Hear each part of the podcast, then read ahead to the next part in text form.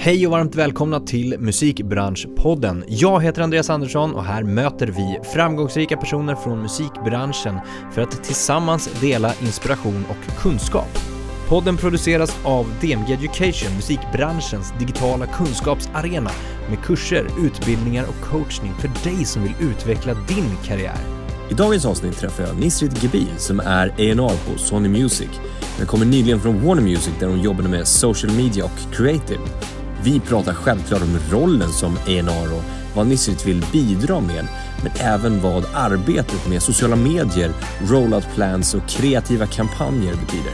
Vi pratar även om Nisrits tydliga målsättningar för sin egna karriär och hur hon har tänkt kring att samla på sig erfarenhet som kan leda henne till just dessa mål. Välkomna till ett grymt avsnitt! Nisrit Gebil, Yes, välkommen till Musikbranschpodden. tackar. Är det bra? Det är bra, hur mår Ja, du? jag mår jättebra. Du kom in hoppandes Ja, jag, på kryckor, jag gjorde eller en det. krycka. Ja, det förstör lite min, min swag vill jag säga, när jag går in i olika ställen. Det känns inte som att det passar mig riktigt. Nej fast det, det, det känns, när du ändå nämnde basket och korsband, Ja. Då kändes det, ja men det är, det är lugnt. Det lät legit då. Det, ja, ja, ja, Det hade varit värre om jag bara, ah, jag vrickar foten på väg till bussen. Ja, då, det låter precis. inte lika nice. Nej, alltså Nej. korsband det är lite värre ändå. Det är jättekul att ha det här. Kul att vara här. Ehm, vi har ju pratat lite grann, mailat lite innan och pratat på LinkedIn om när du skulle vara med Mm. för några veckor sedan. Och då jobbade du på Warner. Ja, Just idag när vi spelar in så jobbar du på Sony. yes. Och då när vi pratade så var du även involverad i Fryshuset. Det var jag, det går fort där. Det är du inte längre. Nej, Så att vi, vi har rätt ut lite saker och ting här nu då. Ja. Eh, Men vi visste om det här innan vi skulle spela in i alla fall. Mm. Eh, Så vi ska prata om massa olika saker. det ska vi. Vilket ska bli sjukt spännande. Ja, Ehm, och eh, det här visar ju liksom på bara att det går, kan gå väldigt snabbt. Jätte. Liksom när man byter roller och företag och sådana saker. Verkligen. Hur, eh, hur gick det till och varför? Vad hände? Ehm, ja men som du sa, jag var ju på Warner Ja, och eh, var social media manager och jobbade en del i deras creative team också. Eh, och under tiden så var jag även på Fryshuset som en så här, deltidsroll. Ehm, och eh, jag kände väl där någonstans att jag Ja men att jag hade typ gjort det ett tag nu. Jag har ju gjort det jag gjorde på Warner och jag hade gjort det jag gjorde på Fryshuset och eh, har faktiskt länge velat vara eller testa på hela den här A&R grejen som jag gör ja nu. du har länge Ja. tänkt i de banorna att så här, dit vill jag nå. Ja, men grejen är att så här, jag vet inte om det är bara jag, men man fattar ju typ inte vad A&Rs gör. Exakt. Så här, när jag var yngre och tänkte så här, jag vill jobba med musik. Mm. Det var antingen så här sjunga, eh, tyvärr så har inte jag rösten så den fick jag kasta ganska snabbt. Och så var det så här, vilka mer jobbar inom musik? Ja ah, men de som typ gör låtarna, producenter. Mm. Så bara, ah, jo det kan väl kanske vara ett alternativ men det, jag var inte jättepepp på det. Och sen så googlar man lite och då kommer så här A&Rs upp. Mm. Och man fattar inte helt vad de gör utan så här, ah, de hittar nya artister och så här, det låter skitkul. Det var typ det jag tänkte då. Ehm, så, så här, det har varit i bakhuvudet men jag har också fattat att i och med att det är lite otydligt i vad en A&R gör är det svårt att liksom bara söka ett sånt jobb. Det är inte som när man jobbar typ ekonomi, så ah, men har du pluggat ekonomi och Exakt. gjort det där, då kan du få det jobbet. Mm. Utan A&R är lite så, ah, du måste känna rätt människor, du måste kunna typ lite om allt för att liksom få det att funka och så vara en bra människokännare och liksom, det är ganska mycket som ska in där som inte är jättekonventionellt. Mm. Så jag var i de banorna. Men hur Eh. länge har du tänkt i de banorna? Ja, vad är det nu, 2022? Alltså jag tror i alla fall sen typ 2017. Okej. Då minns ja. jag att jag satt så här. 2017 var året jag var så här, nu ska jag satsa på att jobba inom musik. Ja. Jag hade alltid velat göra det. Men så här, jag tror så här, i och med hur jag växte upp och så har det varit så långt bort att ha en karriär inom någonting som inte är typ så här läkare, lärare, advokat, lalala, de här vanliga traditionella yrkena. Mm. Men så 2017 var jag så här, nej men jag vill göra det här. Och då fattade jag också så här, men då måste jag också göra någonting för att komma dit. Alltså det här sitta och önska och vilja göra saker, det, det tar ju inte någon vart. Så det var då jag började tänka så här, okej men vad kan jag konkret göra för någonting? Mm. Ehm, och då fattade jag också så okej men man kan göra vanliga yrken inom musikbranschen. Alltså så, ekonomer finns där också. Mm. Och jurister och Exakt. marknadsförare och liksom allting. Ehm, så det var väl där någonstans jag först tänkte så ja men A&R verkar vara en kul en kul grej. All right. Ja, så nu när jag väl så här, tänkte så här, okej okay, men jag är ganska trött på det jag gör, då kände jag så här, det var mycket slump. Jag såg att en roll fanns ute och mm. då var jag så här, ah, jag har egentligen ingen erfarenhet av just den rollen men man kan chansa. Så här, mm. mm. jag, för, jag, förlorar ingenting på det. Um, så det gjorde jag och det, det var verkligen så snabbt det gick och sen pratade jag med ja men då Sony um, och processen gick egentligen väldigt fort. Alltså så det var klart inom typ två veckor. Um, och jag visste vad jag ville så det var egentligen inte svårare än så. Och då när jag tog den tjänsten så kände jag att Eh, Warner fattade ju så att det går ju slut där och jag går över till Sony. Fryshuset var inte lika självklart, för det var en sån grej som jag gjorde för att jag tycker att det var en så viktig fråga. Ah. Det var så här, alltså jag tjänar ju inga, man tjänar ju inte pengar så på att vara liksom studiekoordinator på Fryshuset. Eh, utan det var så här, jag tycker det är en jätteviktig fråga och eh, jag ville vara med och så här, ja, men ge tillbaka till unga tjejer, till minoriteter, till liksom alla som var involverade där. Eh, och nu när jag tog jobbet på Sony så kände jag såhär, hur mycket jag än vill vara kvar så blir det väldigt mycket. Eh, det var mycket redan när jag var på Warner, men jag tror att så jag är så van med att ha flera jobb och göra många saker att så jag någonstans gjorde det till det nya normala. Okay. Men nu blev jag lite så här, okej okay, men någon gång måste jag sakta ner och kanske bara ha ett jobb i taget. Ja. Som, som, som de du, flesta nu var tillfället att ja, göra så? så nu var jag så, ja, ja, exakt. Jag var så det är lika bra att typ köra nu så får jag liksom en clean slate. Ja. Mm. Men tror du att det här att du har liksom haft A&R-rollen i bakhuvudet har gjort att du har liksom letat lite grann och navigerat dig fram till att samla vad du behöver för någonting kunskapsmässigt, mm. liksom kompetensmässigt och sen när väl chansen dök upp så kände du att även om jag inte har liksom erfarenheten från det så, så vet jag vad jag vill. 100% absolut. Eh, det har ju varit någonstans planen. Ja. Alltså att någonstans hamna på A&R-rollen. Sen om jag ska vara ärlig, jag kanske trodde att det skulle vara lite senare och mm, inte mm. Så, så snabbt. Men jag minns när jag väl började på Warner, som jag ändå var på i typ två år och typ tre månader. Eh, jag, gjorde, jag försökte lära mig så mycket som möjligt som inte bara ingick i mitt område för att, ja men som du säger, när chansen mm. väl finns då är jag väl hyfsat redo. Eh, så Sara, jag satt mycket och pratade med legal till exempel. Eh, för jag vet att A&Rs jobbar mycket med legal-teamet. Eh, mm. och jag i min socials-roll, eller creative eller vad det nu kan vara, jobbar typ inte alls med legal. Men det är bra att veta. Och även så här, när jag satt själv innan och skulle googla och typ så här, försöka fatta saker så eh, jag läste ganska mycket på när det kommer till avtal och grejer. Inte för att det hjälpte mig då, men för att jag vet att vill jag vara A&R någon gång så kommer det hjälpa mig. Mm. Och så var det typ med det mesta. Jag försökte förstå hur typ radio funkar. Jag minns att det var ett sånt frågetecken för mig när jag började på skivbolag. För dels att jag typ inte fattade att folk fortfarande lyssnar på radio, Nej. men också så att man gör det i så stor utsträckning och att de har så mycket eh, makt vill jag säga, alltså så att de har så mycket att tillföra. Så, mm, så att mm. förstå mm. hela det systemet, hur labels jobbar mot radio eller andra DSP, Spotify, Apple, whatever. Um, jag försökte lära mig det jättemycket. Så, så här, ja, jag har absolut så här, försökt samla på mig kunskap i den utsträckningen jag kan för att jag tänker att någon gång kommer det hjälpa mig. Mm. Um, och det tänket tror jag jag har haft hela tiden, även innan jag började på skivbolag. Um, jag minns när jag pluggade så jobbade jag, alltså gud, jag vet inte om det var typ tre jobb samtidigt. För att jag ville, när jag var klar med skolan, inte börja på noll. Exakt. Jag ville vara fram, före mina klasskamrater som tog examen samtidigt. Mm. För då blir jag så här, om någon ska välja mig mm. jämfört med någon annan, då måste jag också ha någonting att show for. Jag måste Exakt. ha gjort någonting som den andra inte har gjort. Mm. Så ja, det har jag väl tagit med mig. Helt rätt. Var, var har du hittat det drivet någonstans då? Eh, oj, bra fråga. Jag tror att så här, jättemycket kommer från eh, mina föräldrar och mm. hur jag har växt upp. Eh, jag är uppvuxen i Tensta i Stockholm. Som beroende på vem du frågar är så här, världens finaste område eller så är det en no-go zone eller så här, ah, whatever man vill säga där. Um, och där, så här, med min familj och mina vänner och hela den så jag har alltid växt upp i att vill du komma någon vart så måste du jobba för det. Det är ingen som kommer ge dig någonting gratis. Ehm, och så som samhället ser ut idag kan man som, eller är man ofta som minoritet eller så här, ung svart kvinna eller invandrare eller whatever du nu är.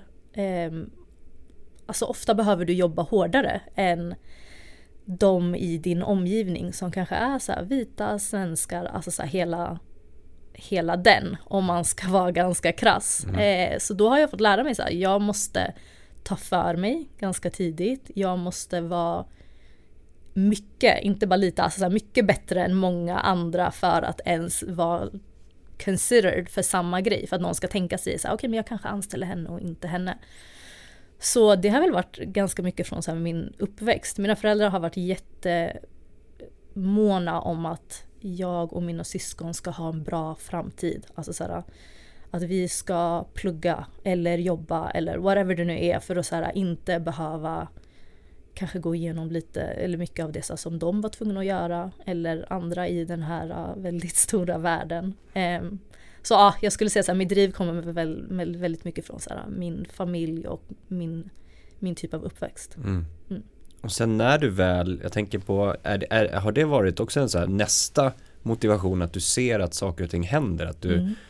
tack vare att du jobbar hårt eller jobbar med många olika saker eller samlar erfarenhet att du får eh, får in en fot, att du börjar jobba där, att det blir liksom resultat av det du gör. Mm. Är det något slags liksom, kvitto på att man vill fortsätta jobba? Definitivt. Alltså man, jag tror det är som med allt, när man lägger ner tid och sen ser att det ger någonting, mm. eh, då får man ju det bekräftat att okej okay, men någonting gör jag rätt. Mm. Och då vill man fortsätta göra det. Och då får man också det bekräftat att det som många kanske tänker är för långt bort eller så här äh, inte realistiskt, whatever det än betyder. Faktiskt visst är det. Så här, mm. Man kan visst jobba inom kreativa fält eller man kan leva på sin passion eller så här, vad det nu kan vara för någonting. Så här, det går att göra och när man då får det bevisat i så små steg då blir också saker som först var jättelångt bort, det ser ju också ut att bli mycket närmare. Mm. Så så här, absolut. Och sen också att så här, när vissa saker när det går bra för en och man, vis, man ser att ens jobb har eh, ja, men gett tillbaka, så här, man har fått saker bekräftade, okej okay, men det går att göra det här och det här. Då vill man också någonstans ta med sig det till generationer som kommer. Mm. Jag har till exempel en systerdotter som eh, hon är fyra år och eh, jag brukar tänka jättemycket, även fast det är långt bort, så jag tänker jättemycket på att det blir världens skillnad för henne. Eller om jag typ själv får barn eller mina vänners barn eller whatever. När de blir äldre och typ går i åttan och ska praoa. Mm.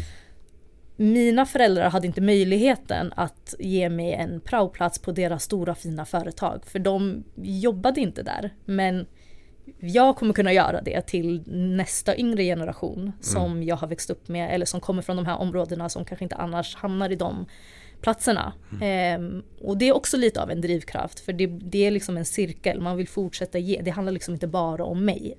Föra vidare. Ja, mm. lite så. Så rätt tänk, alltså just det här med att samla på sig erfarenhet även fast det inte vet, du vet heller att det kommer generera någonting här och nu. Utan att eventuellt kommer det ge någonting framåt. Mm. Ja, men som du pratade om med legal delen, att samla på sig kunskap och erfarenhet om det. Du hade en utstakad bana att du ville till A&R-delen då. Eh, men jag tror ju på det just att samla de olika erfarenheterna för att bygga eh, bästa möjliga förutsättningar ja. för dig själv och också inspirera andra som du, som du är inne på. Absolut, alltså så man förlorar aldrig tänker jag på att ha kunskap. Nej. Såhär, jag, Nej, kom, jag kommer inte såhär, jag kommer inte gå minus på att jag har läst en artikel om jag vet inte, legal eller Nej. vad det nu kan vara, så här, musikbusiness eller whatever. Så här, det, går, det kommer inte gå sämre för mig. Så Nej. då är det så här, might as well. Söker du utmaningar framåt för dig själv? Jättemycket. Gör du det? Ja, fast nu tycker jag att jag har blivit sämre på det. Okej, okay. på vilket sätt då? Med, jag vet inte, för det kändes som att jag aktivt satte mig i situationer som var obekväma. Ja. För att, ja, för att komma ut, alltså så här, in, mm. inte vara obekväm med det längre. Eh, jag tror det är många saker om mig som folk blir förvånade av om inte man känner mig jättebra. Um, för att så här, ja, jag kanske inte visar det. Mm. Um, men så här, mycket gör jag för att jag känner att så här, jag, jag, behöver göra det. Eller så det är bra att göra och sen kanske jag använder det olika mycket. Jag kanske inte använder varenda skill jag lär mig eller vad det kan vara. Men så här, jag tror det är viktigt att man inte hamnar i en box utan så här, mm. man försöker utmana sig. Sen kanske inte man vill göra det igen men att man har testat en gång. Mm. Eh, för annars, här, jag vet inte, man, eh, ibland snackar man skit och så kan man inte backa det om inte man har gjort det. Mm, Fattar du? vad jag menar? mm. Jag kan vara såhär, ah, jag tyckte inte det där var bra. Och någon bara, ah, men gör det bättre själv. Ah, Mm. Okej, då får jag ju testa. För Exakt. annars, annars ska inte jag säga, alltså jag måste walk the walk någonstans också. Ja, ja.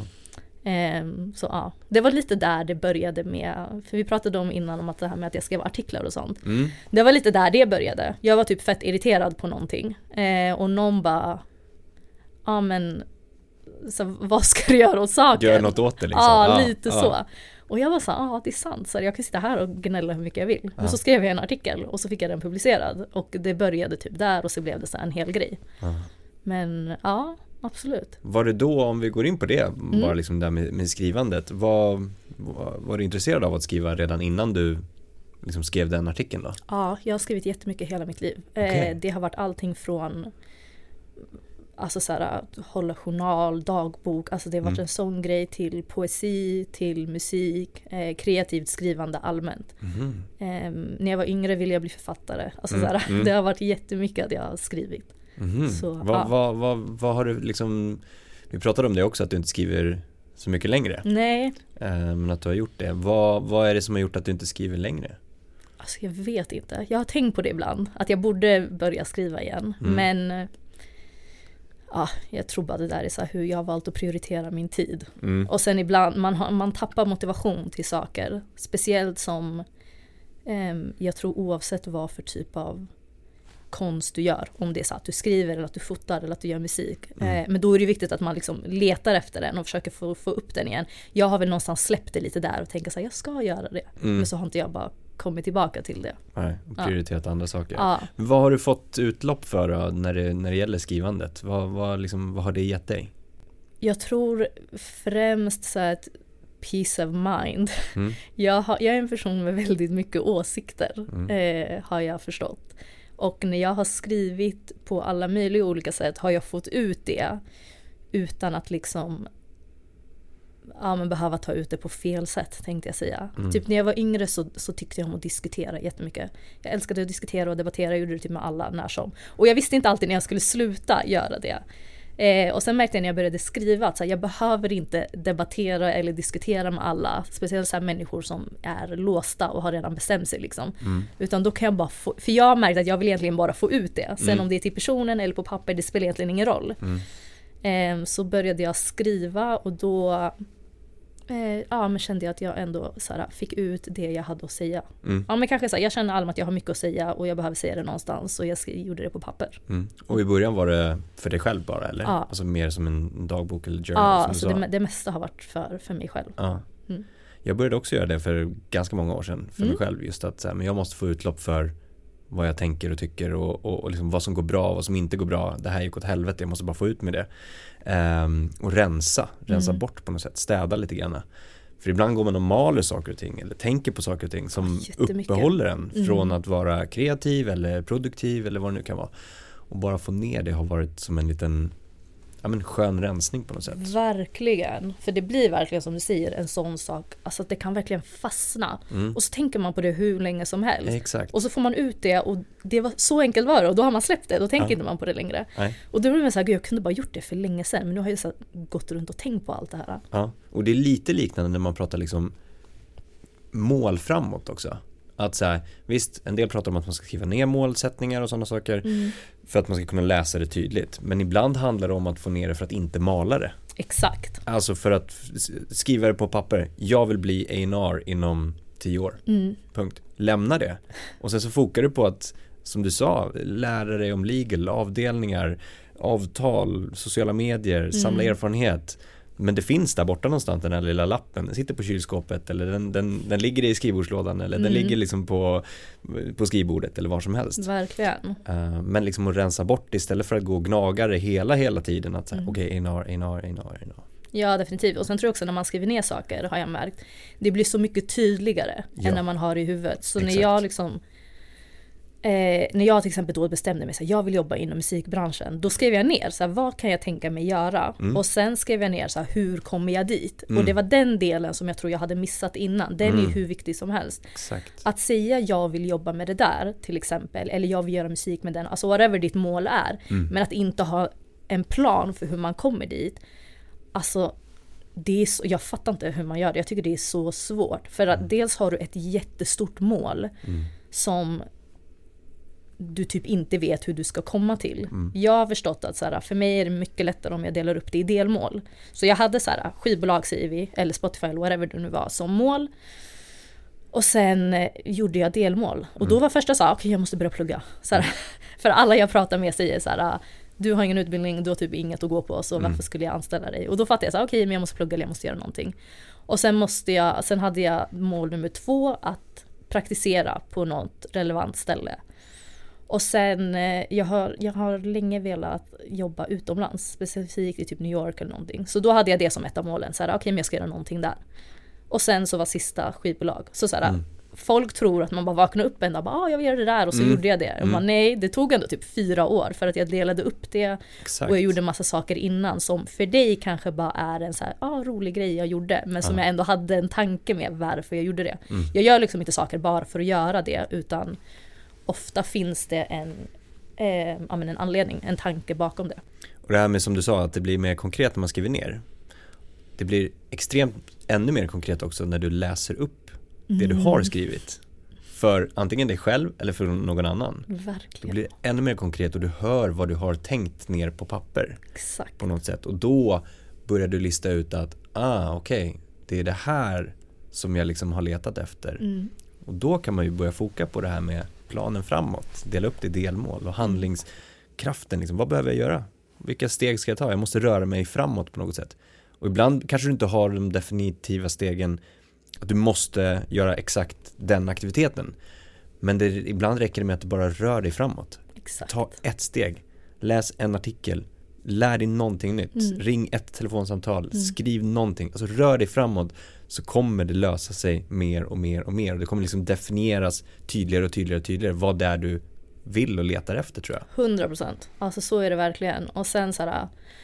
ehm, nu ska vi också vara ärliga, alltså så här, för de som lyssnar och nu blev det värsta motivationsgrejer. Men så här, man får ju också sju miljoner nej. Och man Ja, får absolut. jättemånga motgångar. Så. Ja, Det låter så här jättefint och gulligt, så jag har skrivit en liten plan och jag ska göra Mm. så följer vi den och så går. Så går vi, så kommer allting gå super. Och det är så här, ja ah, nej, så är det egentligen inte. För man, alltså jag kan inte ens räkna hur många nej jag har fått Mm. genom de här åren. Eller så här, inget svar överhuvudtaget. Så här. Mm.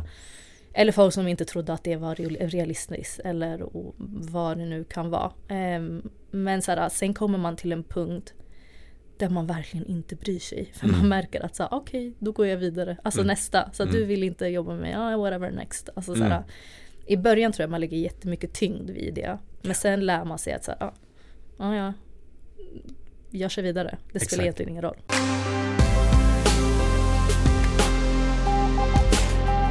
När du skriver, eller när du skrev då, Mm. eh, så, så, så sa du att en del har ju blivit publicerade. Mm. Är inte det läskigt? Att liksom ens tankar och ens åsikter och ens skrivna ord publiceras för andra att ta del av? Jag tror att i det här fallet var det inte det för mig eftersom att det var inte Jag tror det hade varit mer om det var mitt kreativa skrivande. Alltså så här, om det var poesi eller låttexter eller whatever. De sakerna. Och till exempel poesi har jag ändå fått eh, på vernissage och grejer. Det har varit läskigare. För det är ändå mitt känslomässiga jag och mina så här, djupare tankar. Men artiklar som jag fått publicerade har varit i alltså de större tidningarna, Aftonbladet, Expressen, whatever. Det är inte kreativt på det, eller ah, det kanske det är. Men jag menar så här, det är inte känslomässigt styrt på det sättet. Eh, utan det är så här, det är mina politiska åsikter som i och för sig är känslomässiga. Men ah, det, är, det är politiska åsikter och, och hela den. Eh, där känns det inte som att jag om jag inte, det känns inte som att det är hela jag som läggs på bordet. Det är, Nej, inte mitt, det är inte mitt hjärta som är ute där. Utan det är mina åsikter och tankar som jag baserar på min logik. Mm. Ehm, så nej, det har inte varit läskigt men jag har varit medveten om att så här, när den här publiceras så kommer jag få x antal meddelanden från den här typen av människor och bla bla bla. Folk som här, inte kan bete sig på internet och så vidare. Eh, men det har jag varit beredd på så jag tror att därför har det varit okej. Eh, eller så här, ja. Det, jag, har, jag har varit beredd på det så det har varit fine så. Mm. Mm. Ja, för det, det är just att, att skriva åsikter eh, får ju andra att ha åsikter emot de åsikterna. Absolut. Eh, oavsett vilka åsikter du har, Mm. kan jag tänka mig. Mm. Om vi ska röra oss vidare från, från eh, det skrivna, så att säga. Lite grann, jag, jag läste på vad du har skrivit om dig själv. Ja. Eh, då har du skrivit att du är en young creative who's relatively new in the business but has gained skills and experience quickly in order to be ready for the market. Gud, det här minns jag inte ens. Vart har jag skrivit Du det? har skrivit det på LinkedIn. På LinkedIn? Ja. Ah, ja. Jag tycker det ändå var rätt bra. Alltså så här, driven young creative. Ja. Alltså det sammanfattar ganska bra. Men du är öppen med att du är ny, Mm. men du har ändå liksom gained skills and experience. Och sätter någonstans så här att du vill vara redo Ja. för att ta steget utåt. Mm. Det sammanfattar lite grann det vi har pratat om också. Ja. Att så här, du hade det, paketet, du, du är liksom driven och vill utåt där någonstans. ja, jag tror jag skrev det här när jag tog examen, eller där någonstans, när jag Ja. började söka jobb Ja. eh, efter min examen, tror jag. Så då får du uppdatera den lite. För då Ja, har du ju mer experience. Ja. Nej men ändå, jag tror, jag tror att det att varför jag vill lyfta den är för att jag tror att fler kanske behöver förstå att det är okej att vara ny. Att inte ha erfarenheten. Mm. Ibland kan det ju kännas som att man behöver kunna allting när man ska gå in i en roll, Mm. en ny roll, en praktikplats eller eh, träffa någon på ett möte, att man ska liksom ha koll. Mm. Man ska vara expert inom alla områden, men det går inte. Nej. Det är bättre att du erkänner att du är ny. Jag är superdriven, jag vill lära mig allt, jag vill liksom vara, suga in all kunskap som en svamp. Mm. Eh, det tror jag är bättre att verkligen liksom lägga på, på bordet och visa. Än att man säger så här, ah, men det är lugnt, jag har koll på det här, jag har koll på det här, jag har koll på det här, jag har koll på det här. 100 procent, jag tror också det. För såhär, de du pratar med, om det är nu, ja men säg att du söker jobb och det är massa arbetsgivare och du är på intervjuer. Nio av tio gånger vet de att du inte kan allt. Så det är så här, de är ju Exakt. medvetna om det här. Så att jag ska sitta där och låtsas som att jag kan allt. Mm. Det hjälper, man ser ju igenom det. Mm.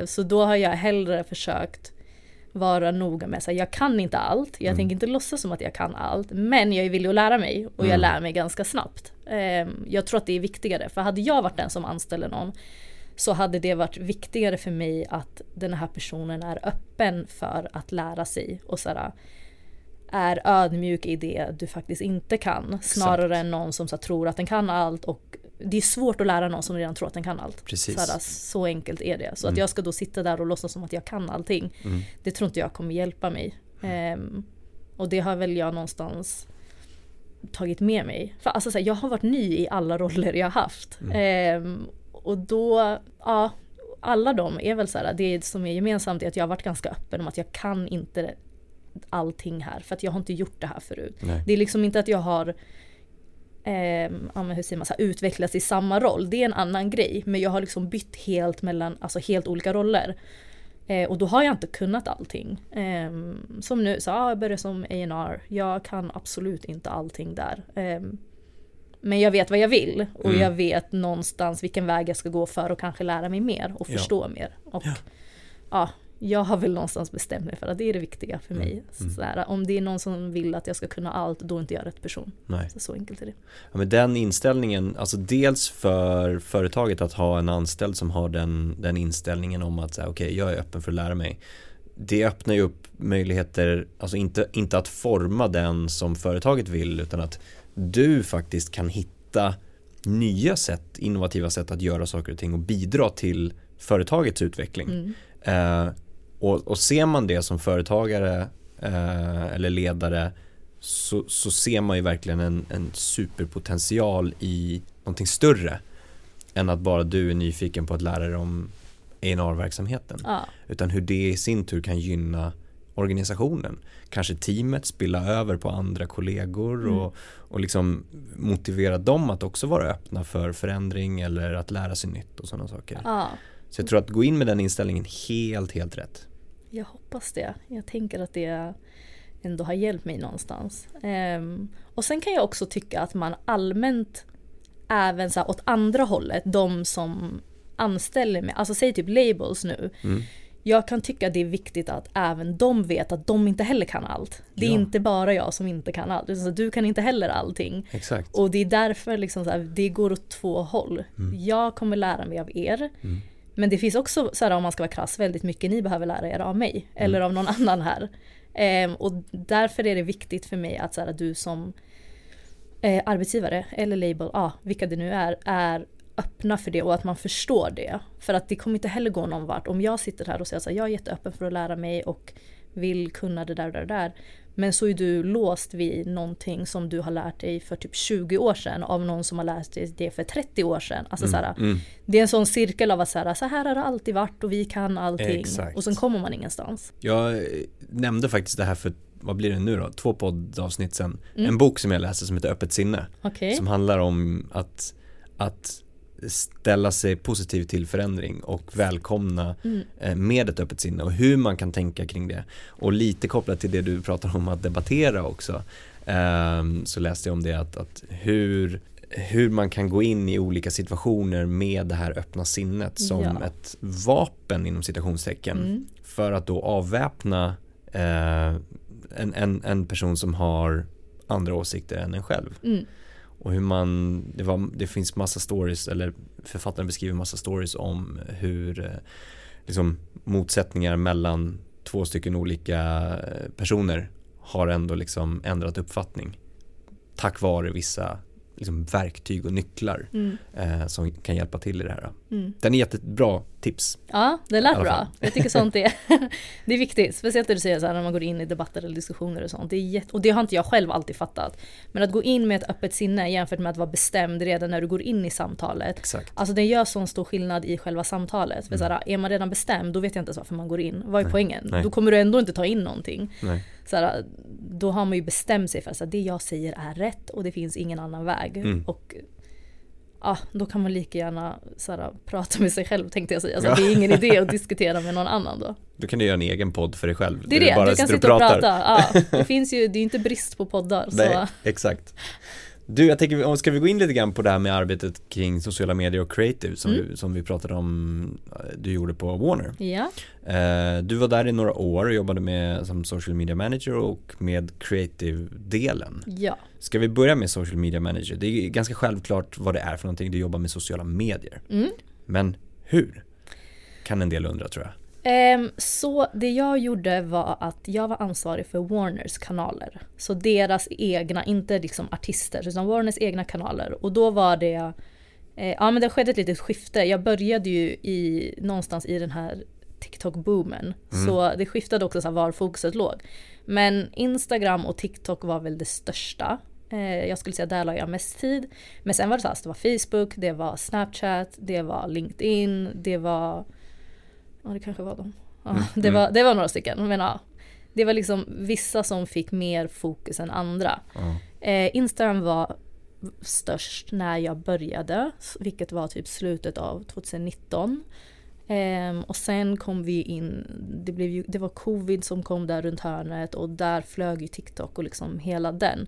Så det blev snabbt en prio. Mm. Ehm, och det jag gjorde i min roll i det stora hela var att strukturera upp Warners kanaler. Eh, dels här att anpassa efter målgrupp, eh, vad följarna vill ha, vad som är relevant, vad våra artister eh, visar utåt. Eh, vad vi vill visa för våra artister och följare och liksom allt möjligt. Ehm, min fråga så här, till mig själv som jag hade under hela tiden jag var social media manager, alltså den drivande frågan för mig var varför ska ett fan följa oss och inte artisten? Mm. I mitt mm. huvud så går man och följer artisten. Ja. här, Precis. varför skulle jag vilja följa ett label med x, typ 40 artister när jag egentligen bara är intresserad av en? Mm. Och då var det så här, okej men då får jag tänka att jag får väl ta fram det som de kanske inte får av dem, sina favoritartister. Alltså till, till Warners kanaler.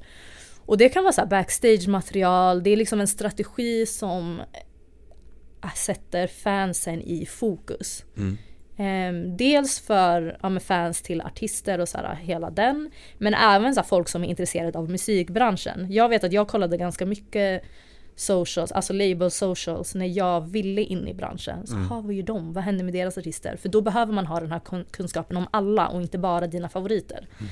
Så ja, jag försökte bredda det som möjligt och eh, rikta mig till rätt personer. Det är också jätteviktigt, vilket alla inte fattar när man jobbar med sociala medier. Så här, det, ska jag prata med en 70-årig man, då kanske inte Instagram är det bästa, den bästa kanalen. Så här, man, får, man får också anpassa sig liksom.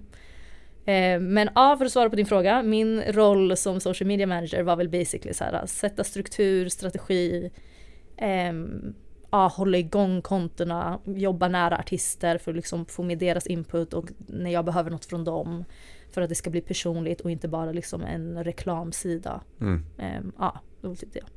Men hur väljer man innehåll då? Eller hur valde du innehållet? Jag tänker på att det finns ändå 40 artister. Det går inte att liksom, varje dag få in en post eller innehåll om alla artisterna. Nej, och det är inte heller poängen. Man vill inte trycka upp alla i allas ansikten. Exakt. Man får hålla sig till vem som är relevant ganska mycket. Mm. Ehm, om vi har artister som släpper nu på fredag, då blir det naturligt att de också har fokus under veckan. Ja. Snarare än någon som om inte släpper något på tre månader. Mm. Då kommer inte det, det kommer inte våra följare bry sig om tänkte jag säga. Det är, det är inte den som är fokus. Utan sociala medier som, som värld ehm, är, är väldigt snabb. Jag skulle säga sådär, det, det skiftar fokus fort. Det gäller att här, hålla sig relevant. Någonting är ute på typ 24 timmar. Mm. Har du missat det, då har du missat det. Alltså, Mm. Så enkelt är det. Så ja, det gäller att försöka hålla sig relevant till dels artister och vad som släpps men också så vad som händer i sociala medier-världen. Vad trendar och vad är relevant där. Exakt. Mm. Och, och creative-delen då? Där var du med och liksom, Creative-delen var, ehm, jag anställde som social media manager mm, och sen tror jag att det hette typ så digital creative, alltså något sånt. mm, Men så främst var det sociala medier som var, som var grejen. Ehm, Warner är det minsta av de största labelsen. Så, så här, ändå stort men mindre än de andra. Vilket för mig var nice för att det fanns inte alltid tillräckligt mycket folk för att göra allt. Så det jag ville göra kunde jag ta för mig till att göra och fick ofta de möjligheterna. Så det blev att jag själv ville jobba mer kreativt. Jag var intresserad av att så här, ja, men skapa idéer och koncept för singlar och album och musikvideor och vad det nu kan vara. Ehm, och ja, jag, jag, tog, jag fick liksom inte den rollen men jag tog för mig det och det uppskattades eftersom det inte fanns andra som hade tiden till att göra det alltid. mm, Så då gjorde jag det också och då började jag liksom ta projekt med vissa artister. Ehm, jag gjorde Sikais talkshow som blev skitstor och hon fick jättemycket press och PR och många så hörde av sig och ville vara med och bla bla bla. Och det var fett kul för att hon till exempel var ja, men en av de mindre kända artisterna i Sverige då. Men efter det så började folk ändå så här, folk kunde hennes namn. Sen så här, hon hade gjort mycket innan och hon är extremt talangfull som artist. Men det hjälper alltid att ha så här, bra PR runt omkring. mm, Speciellt eftersom att våra PR-ytor i Sverige är så limiterade. Så här, alla får inte en nyhetsmorgon eller vad det nu kan vara. Då får vi göra det bästa av det. Så då skapade vi vår egna yta för henne till exempel. Så, så jag var intresserad av liksom komma in där och göra så här creative direction och ah, basically komma med idéer men också fullfölja hela den visuella kommunikationen kring det också. Ehm, så det var ett exempel. Jag gjorde en kampanj med Sabina Dumba när hon släppte Damn Good Woman och då gjorde jag det till en så här internationella kvinnodagen-grej för det var i samma veva. Där vi så hyllade kvinnor över hela världen och just i den kampanjen så var det så här hennes vänner och familj och så vidare och så fick alla så berätta om vad en Damn Good Woman var och så Mm. vidare. Ehm, så lite där, Sherry gjorde ju Så mycket bättre i höstas. Där jobbade vi med hennes egna typ Så mycket bättre efter-program. Där hon hade bjudit in gamla deltagare och så satte vi upp så här, ja men ett litet snack mellan dem basically. Ehm, så ja, jag, var- jag var liksom med och kom på de här projekten och idéerna och sen fick jag fullfölja dem Mm. basically. Var du ända nere liksom i 90 gritty nivå och liksom skapade själva innehållet också? Absolut. Eh, på vissa mer än andra. Alltså Mm. till exempel Sikais ta- talkshow, där var det jag och så var det min kollega Sus som typ gjorde allting. Sen fick det, det, var, det var två delar, två, um, vad ska man kalla det, säsonger. Mm. Så säsong två, när första hade gått bra, då var vi mer folk på andra. För då har vi sett så okej men det här funkade. Mm. Men så här, första säsongen, och andra för den delen också. Jag satt och gjorde manus till typ två på morgonen med Sekai och så här, skrev lappar och hittade ja, men outfits till komma på idéer till att så här, hjälpa SUS som fixar grafik och kamera och sånt. Så här, ja men sätt upp hur ska man göra det, hur filmar man? Så jag har ingen aning om hur man gör det. Men mm, så här, mm. jag gjorde det jag behövde göra. Ja. Eh, så absolut, samma med Sabina-kampanjen. Så här, det var vi två och så, så gjorde vi typ all, allting kring det för att få ihop en kampanj. Mm. Så ja, absolut 90 gritty vill jag verkligen säga. Snyggt. Mm. Men om du som ändå har då erfarenheten från det, ett stort bolag, men du ser ju också vad artisterna själva gör i sina sociala medier. Mm. Uh, och ni måste väl följa dem ganska mycket ändå, och se liksom vad är det som postas där och Absolut. Up to date, även fast ja. inte ni har hand om det. Nej, eh, jag gjorde ju Warner Socials, men en del av min roll var att hjälpa artisterna med deras kanaler också. Ja, men precis. Eh, så jag var ganska mycket stöd till vem som än behövde det mm. egentligen. Eh, och där följer vi upp så okej, okay, men antingen kan jag sätta upp konkreta strategier för vissa artister som behöver det. Så här, du ska posta så här många gånger i veckan och du behöver ha typ det här temat mm. för bla bla bla. Och sen kan det ändras beroende på vad målet är. Vissa vill sätta upp så här, jag vill se artsy ut. Är det så okej okay, mm. vi löser det. Vissa vill ha en strategi för att de ska vara med Så mycket bättre. Mm. Ja men då gör vi det. Mm. Um, så, så här, det är jättemycket att assistera artister med deras kanaler. Ibland på den nivån att man går in och postar åt dem så här, om det behövs. Så, så mm. Ja, det, det, är inte, det är inte alltid lätt att jobba med artister och sociala medier för många är rädda för sociala medier. Ja, jag kan tänka mig det. Vilket jag förstår, jag fattar verkligen det. För som artist har du så här, en miljon ögon på dig och alla dömer dig hela tiden. Mm. Och någonstans där ska du så här, lägga ut, precis som jag sa förut när det kommer till så skrivande. Jag tyckte inte det var läskigt för det var inte min konst i sig som skulle ut och vara åsikter. Men här är det ju deras konst, alltså mm. så att det de har lagt sin själ i ska någon döma på sociala medier. Till den nivån att folk bara ah nej jag gillade inte den där selfien. Alltså så här, och egentligen det är så sjukt hur vi pratar om artister eller kända människor på sociala medier. För så här, vi känner inte dem, vi vet inte hur mycket som har tagit för det att lägga upp den här bilden. Men vi har vi känner oss ändå så pass privilegierade att vi ska kunna kommentera allting. Mm. Um, så jag fattar verkligen, det är jättemånga artister som är ja, men lite smårädda för sociala medier. Vilket jag fattar. Men det var mitt jobb att liksom guida dem mm, och visa precis. att det är inte så läskigt som du tror. Um, vissa är jobbiga men det är mer snälla än taskiga saker vill jag ändå säga.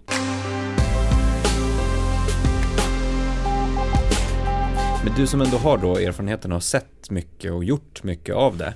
Vad skulle du säga är bra tips? Om vi säger när man ska släppa ny musik. Jag vet att det är olika för olika artister och vad man har för mål. Men mm. liksom, mm. finns det några generella tips just när det gäller att, att få ut eh, kanske inför mm. och själva släppet och efter på sociala medier? Mitt främsta tips för en artist när den ska liksom släppa någonting eh, är att använda sina kanaler som alltså en konkret strategi och ha en plan. En rollout är jätteviktig. Jag tror att det är ganska många artister som ser förbi hur viktigt det är att ha en rollout-strategi på eh, sina kanaler. Och med rollout menar jag alltså så att man sätter upp ett schema innan släpp under släpp och efter släpp är också viktigt som många glömmer. Mm. För att liksom ja, men dels förbereda fansen så att det kommer någonting, man bygger upp den här spänningen. Eh, om man har liksom någonting att komma med, inte bara så här är min nya låt. Eh, det är klart det funkar men jag tror många också ser så här det har blivit en trend på senare år, så Beyoncé-effekten. Så här, släpp ett surprise-album och sen ska alla bara älska det. Mm. Men så här, ska vi vara ärliga så är inte alla Beyoncé. du behöver most likely en rollout och det är inte någonting du ska liksom vara rädd för eller vara så ah, nej det, det är under mig. Utan en rollout är skitbra för den sätter en strategi till till din musik. Den får liksom fansen att veta så att det kommer någonting. Vad är det som kommer? Jag gillar den här artisten. Mm. Hur kan den kreativt visa mig att den kan inte bara göra musik men den kan även så bygga upp min förväntan för musiken. Exakt. Um, allt är skitbra. Alltså kolla typ Drake nu innan han släppte Certified Loverboy och så gjorde han den här jag kan tycka i regel att det var inte världens bästa rollout så, men jag gillade verkligen den här Billboard feature-grejen där han ja men basically satte upp namnen på billboards i relevanta städer där hans features kommer ifrån. Så så här, ja men jag vet inte om det var Chicago eller någonting och så är det namnet på den artisten på en billboard i Chicago så att det blir också relevant för staden. Mm. Sådana saker är nice för då dels att du känner dig speciell när mm. du kommer från den staden och bara oh shit den där artisten är där eller bla bla bla. Um, men också att du får liksom en koppling till, till artisten genom den sociala medier. Man får en inblick. Jag har märkt att den saken ändå är ganska viktig för folk, att de vill se sina artister i, ett, i en vardaglig syn. Och mm. där hjälper sociala medierna. Man använder stories och man använder liksom det här uh, behind the scenes, backstage type sättet att liksom bjuda in sina fans till, till ens liv. Mm. Um, och där, ja men som sagt, där tror jag rollouts är så viktig för du kan sätta upp en hel strategi på den plattform där du antagligen når ut till flest av dina fans. Där har dina fans valt att följa dig så du vet att du kommer få den här. Du har liksom jag vill säga gratis marknadsföring. Så här, ah, visst, du kanske behöver lägga pengar på det, men även om du inte gör det så kommer det ändå komma ut till väldigt många människor som har valt att följa dig och kolla dina stories och mm. ah, vad det nu kan vara. Mm. Vad skulle det kunna vara för slags content då som man ska visa upp? Som du säger. Eh, det beror väldigt mycket eh, på plattform skulle jag säga. Eh, på TikTok har vi sett att så här, där funkar ju det här rå. Det ska inte vara för Alltså det ska inte vara för bra kvalitet tänkte Nej, jag nästan inte för säga. producerat liksom. Nej exakt. Eh, sen så här, det funkar för vissa. Man ser en Jason Derulo som har ett helt team bakom alla hans TikToks och så här, uppenbarligen går det bra. Men det, det, det, är typ det jag gillar med TikTok. Det är väldigt rått. Någon kan göra någonting så hemma i sitt kök och det går skitbra och så går det viralt och mm. det är klart. Eh, medan Instagram är mer polerat och det är fint och det är liksom pressbilder och och hela den. Um, så sa ah, det är svårt att svara på men jag skulle säga att det beror på jättemycket på plattform, vart du är någonstans. Och också så här, vilken funktion i plattformarna. Någonting som funkar på stories kanske inte funkar som fast post på Instagram. Nej, och tvärtom. Så ja, det är beroende på. Mm, anpassa mycket liksom. Verkligen, kör inte mm. det här, samma sak funkar på allt för det nej, gör det inte. Nej. nej. Om vi går in lite mer på vad eh, du gör eller ska göra eller vill göra eller kommer göra mm. nu då i din eh, nuvarande roll ja.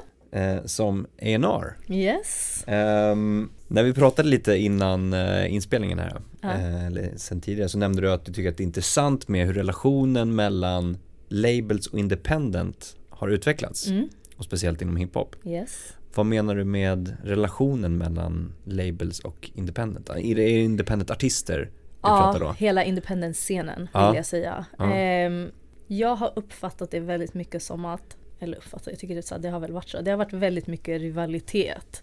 Ehm, vilket jag fattar, så här, man, man är ju konkurrenter. Ehm, och jag tror att det har skett ett maktskifte någonstans. Det har gått från att så här, alla vill signa på skivbolag för att skivbolag har pengar och inflytande och makt och så här, hela den.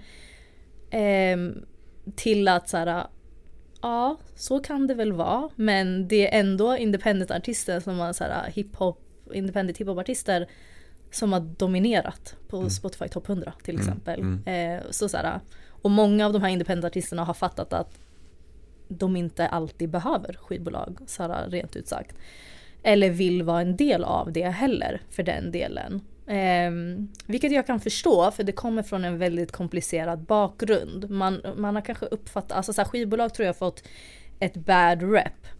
Och jag kan förstå det för att dealar ibland fortfarande, men mycket så här, förr i tiden handlade mycket om så här, ah, vi ska äga alla mastrar, vi ska äga allt, ni ska få typ 2% och så, så här, det är det.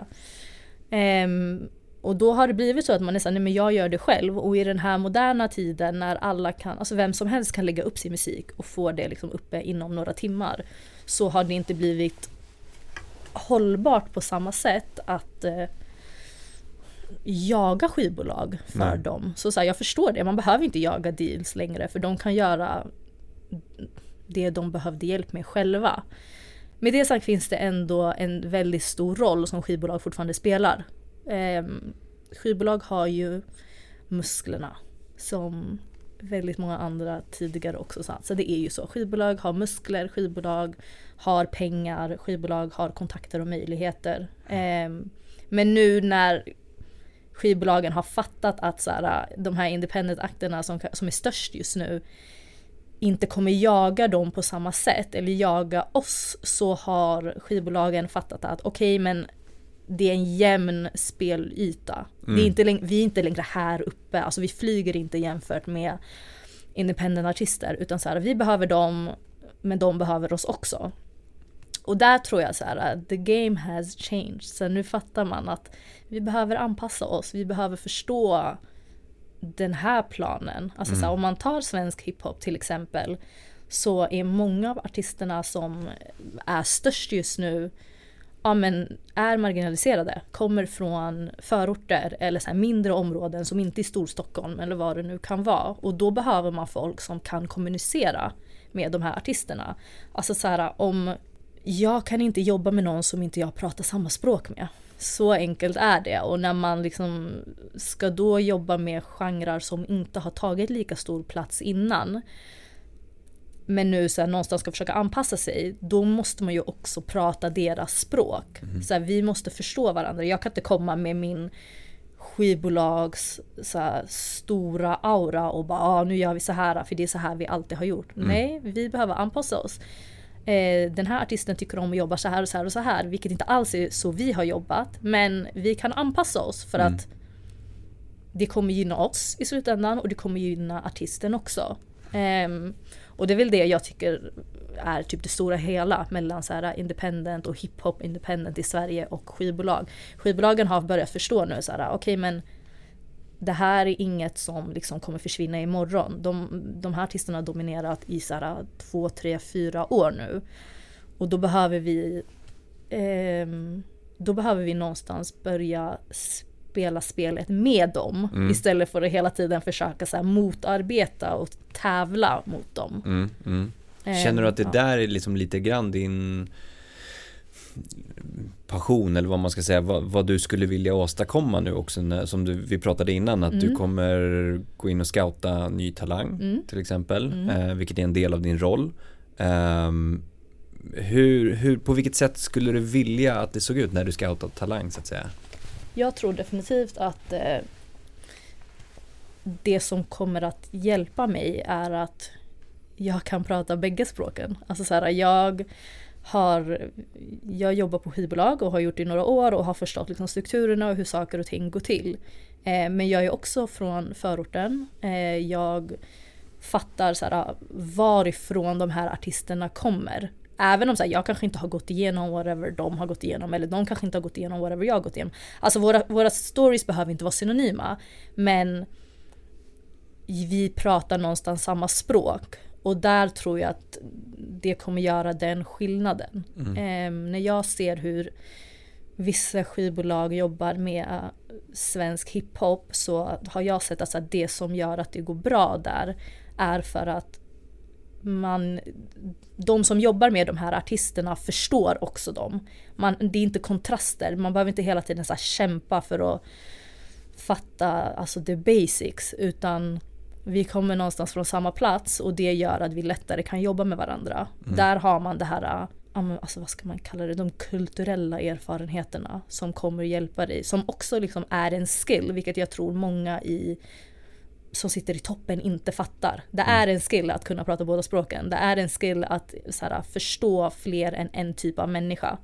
Um, och det är där vi som jobbar i branschen som kanske kommer från olika platser och inte så här centrala Stockholm. Vi fattar det, vi som är från förorter, vi som är från småstäder, vi som är från andra länder till och med. Så här, vi fattar grejer med att inte vara ensidig. Och jag tror att ändå så här, de som sitter på de högre positionerna också börjar förstå det nu. Alltså, Okej, okay, men vi behöver den här typen av människor för att det är en stor värld och alla börjar connectas. Det är liksom inte 60-tals segregation längre utan mm. så här, folk pratar med varandra, folk lyssnar på saker som de kanske egentligen inte kommer ifrån, tänkte jag säga. Mm. Alltså så här, du har en stor svensk hiphopartist som streamar miljoner och det är han kanske kommer från Rinkeby men hans största fan bor typ i Täby. Mm. Alltså så här, det händer och det är vanligt och då måste man ju också förstå att i den tiden vi lever i, vi går över gränser. Allt är inte längre så här, nu hänger vi med våra bästa vänner och vi vet ingenting vad som händer utanför den här lilla cirkeln. Utan cirklarna har blandats. Mm. Och eh, det tror jag att både labels och de här independent-artisterna från eh, ja, men överallt som inte är centrala Stockholm behöver mm. jag förstå. Och om du då, när du ska scouta talang då mm. framåt, eh, när du, du kommer ju från ett majorbolag då och, och hur vill du övertyga eller förklara eller hitta de här liksom samarbetspunkterna ja. till någon som kanske är mer independent och har varit independent, kanske gjort liksom hela det arbetet själv och hela livet och ha team runt omkring så det går fine. Mm. Men du känner att så här, det här är så bra, vi skulle kunna lyfta tillsammans ännu mer. Mm. Hur skulle du vilja kommunicera det så att säga? Har du tänkt i de banorna? Ja, absolut. Jag tror att mina selling points kanske blir dels om jag ska vara ärlig att så här, jag är här nu. Det är inte en Håkan 70 som har jobbat på label i 50 år. Det är inte honom du behöver ha att göra med. Utan mm. så här, det är folk som är öppna och vill lära sig och så här, tycker om din musik och vill hjälpa dig.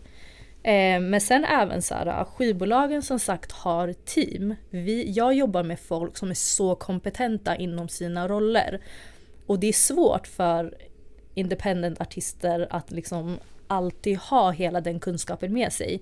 Jag tycker att många, eller typ alla egentligen, av de independent artister som är stora har gjort ett så bra jobb, helt ärligt. För det är så svårt att liksom så komma från utanför branschen någonstans och ändå så här, komma upp i de siffrorna eller så här, igenkänningen som de gör själva med sitt team. Mm. Så, så här, all cred till dem. Men vi sitter på en viss kunskap och kontakter och pengar som liksom det är väldigt svårt att ha själv. Mm. Och där vill jag här, hjälpa de här artisterna att nå nya höjder. Eh, och sen motiveras jag också av så här, min vilja i att vara kreativ och bidra. Ja, det är jätteofta jag ser artister som jag tycker är fett duktiga och så blir jag så här, shit vet du hur nice det hade varit om vi gjorde det där och där och där. Mm, mm, mm. Så, så här, jag vill komma med den inputen och jag vill att den här artisten jag pratar med ska vara liksom hype på hela det. Mm. De kanske tycker det är skitdåligt och då är det fine, vi pratar om det. Eller så tycker de det är skitbra och då gör vi något av det. Så, här, så länge den här kreativa kommunikationen finns mm. så är det typ en väldigt stor drivpunkt för mig. Hur tror du det kommer se ut framåt då för din egen del? Om vi tittar, eh, vi lyfter blicken två år framåt. Mm. Hur många artister jobbar du med då? Om vi Oj. säger att du är kvar på Sony till ah. exempel då. Bra fråga. Jag vet faktiskt inte, jag vågar inte säga en siffra. Men har, så här, har du redan nu någon liksom drömsigning? Eller några namn i, i in mind så att säga? Nej, jag tror att min största dröm så är att hitta någon som ingen känner till. Alltså mm. verkligen ta någon från noll till toppen. Mm. Det vill jag göra. Mm. Eh, vi ska lägga till att det här, när vi spelar in nu så är det din första vecka. Ja, ja, ja. Det är, alltså, det är dag fem. Det är dag fem i ditt nya arbete som är enormt. Så att, det är dag fem. Så ja. vi får se om, om två år när jag lyssnar på det här igen, då får vi se vart jag är då. Exakt. Men förhoppningsvis så har jag ja, tagit någon från liksom noll hela mm. vägen till toppen. Till, till guldsinglar och platina och album och liksom så här hela den. För så här, mm. det är skitkul att jobba med etablerade artister, det är verkligen det. Men att få jobba med någon som så här, inte har koll och inte är så här, inte är påverkad av branschen redan. Mm. Det tycker jag vore riktigt kul. Det vore skitkul. Där kommer ditt det liksom stöttande, coachande, förmedlande, vidare, liksom att föra vidare in. Ja verkligen, alltså, jag har något tänket. såhär mammakomplex här. Ja men nästan. Jag vet inte vad det är för någonting men alltså, så det, jag tycker det är kul det här med att liksom se andra lyckas. Ja. Jag vill, så det hjälper inte mig att göra det själv. Jag vill, jag vill ta med mig folk och jag vill mm. att andra också ska göra det. Jag vill att folk runt omkring mig ska vinna också. Det är en jättebra egenskap.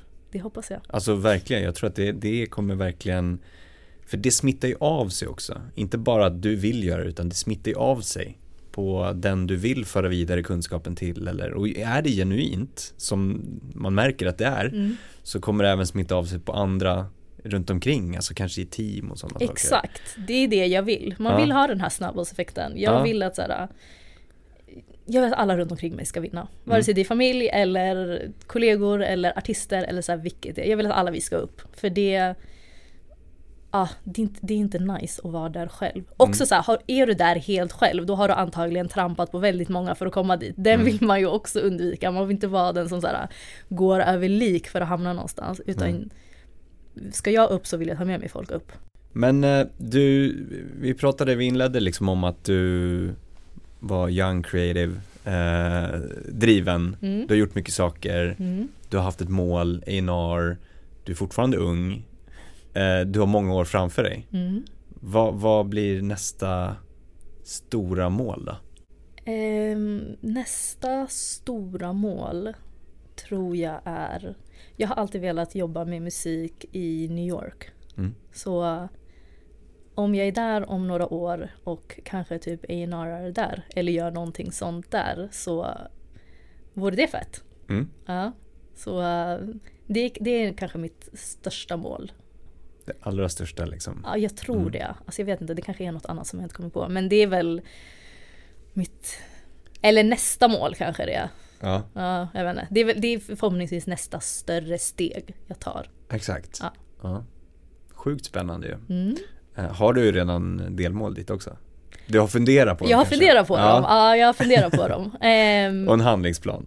exakt. Jag tänker att väldigt mycket av det jag gör nu kommer påverka. Mm. Ehm, så jag försöker liksom tänka i de banorna redan nu. Ja. Alltså så jag måste vara först, jag måste först vara en bra A&R lokalt för att någon i något annat land ska, ska vilja kolla på mig. Liksom så här. Annars har inte jag någonting att show for. Mm. Så ett steg i taget. Mm. Mm. Grymt. Mm. Nisrit, super tack för ett trevligt samtal. Själv, vad så kul att vara här.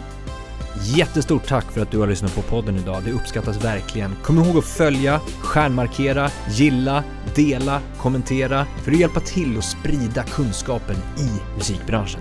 Vi vill också jättegärna höra från dig. Vilka utmaningar står du inför? Vad tycker du är svårt? Vad tycker du är lätt? Vad vill du höra? Vad vill du veta? Vad vill du lära dig?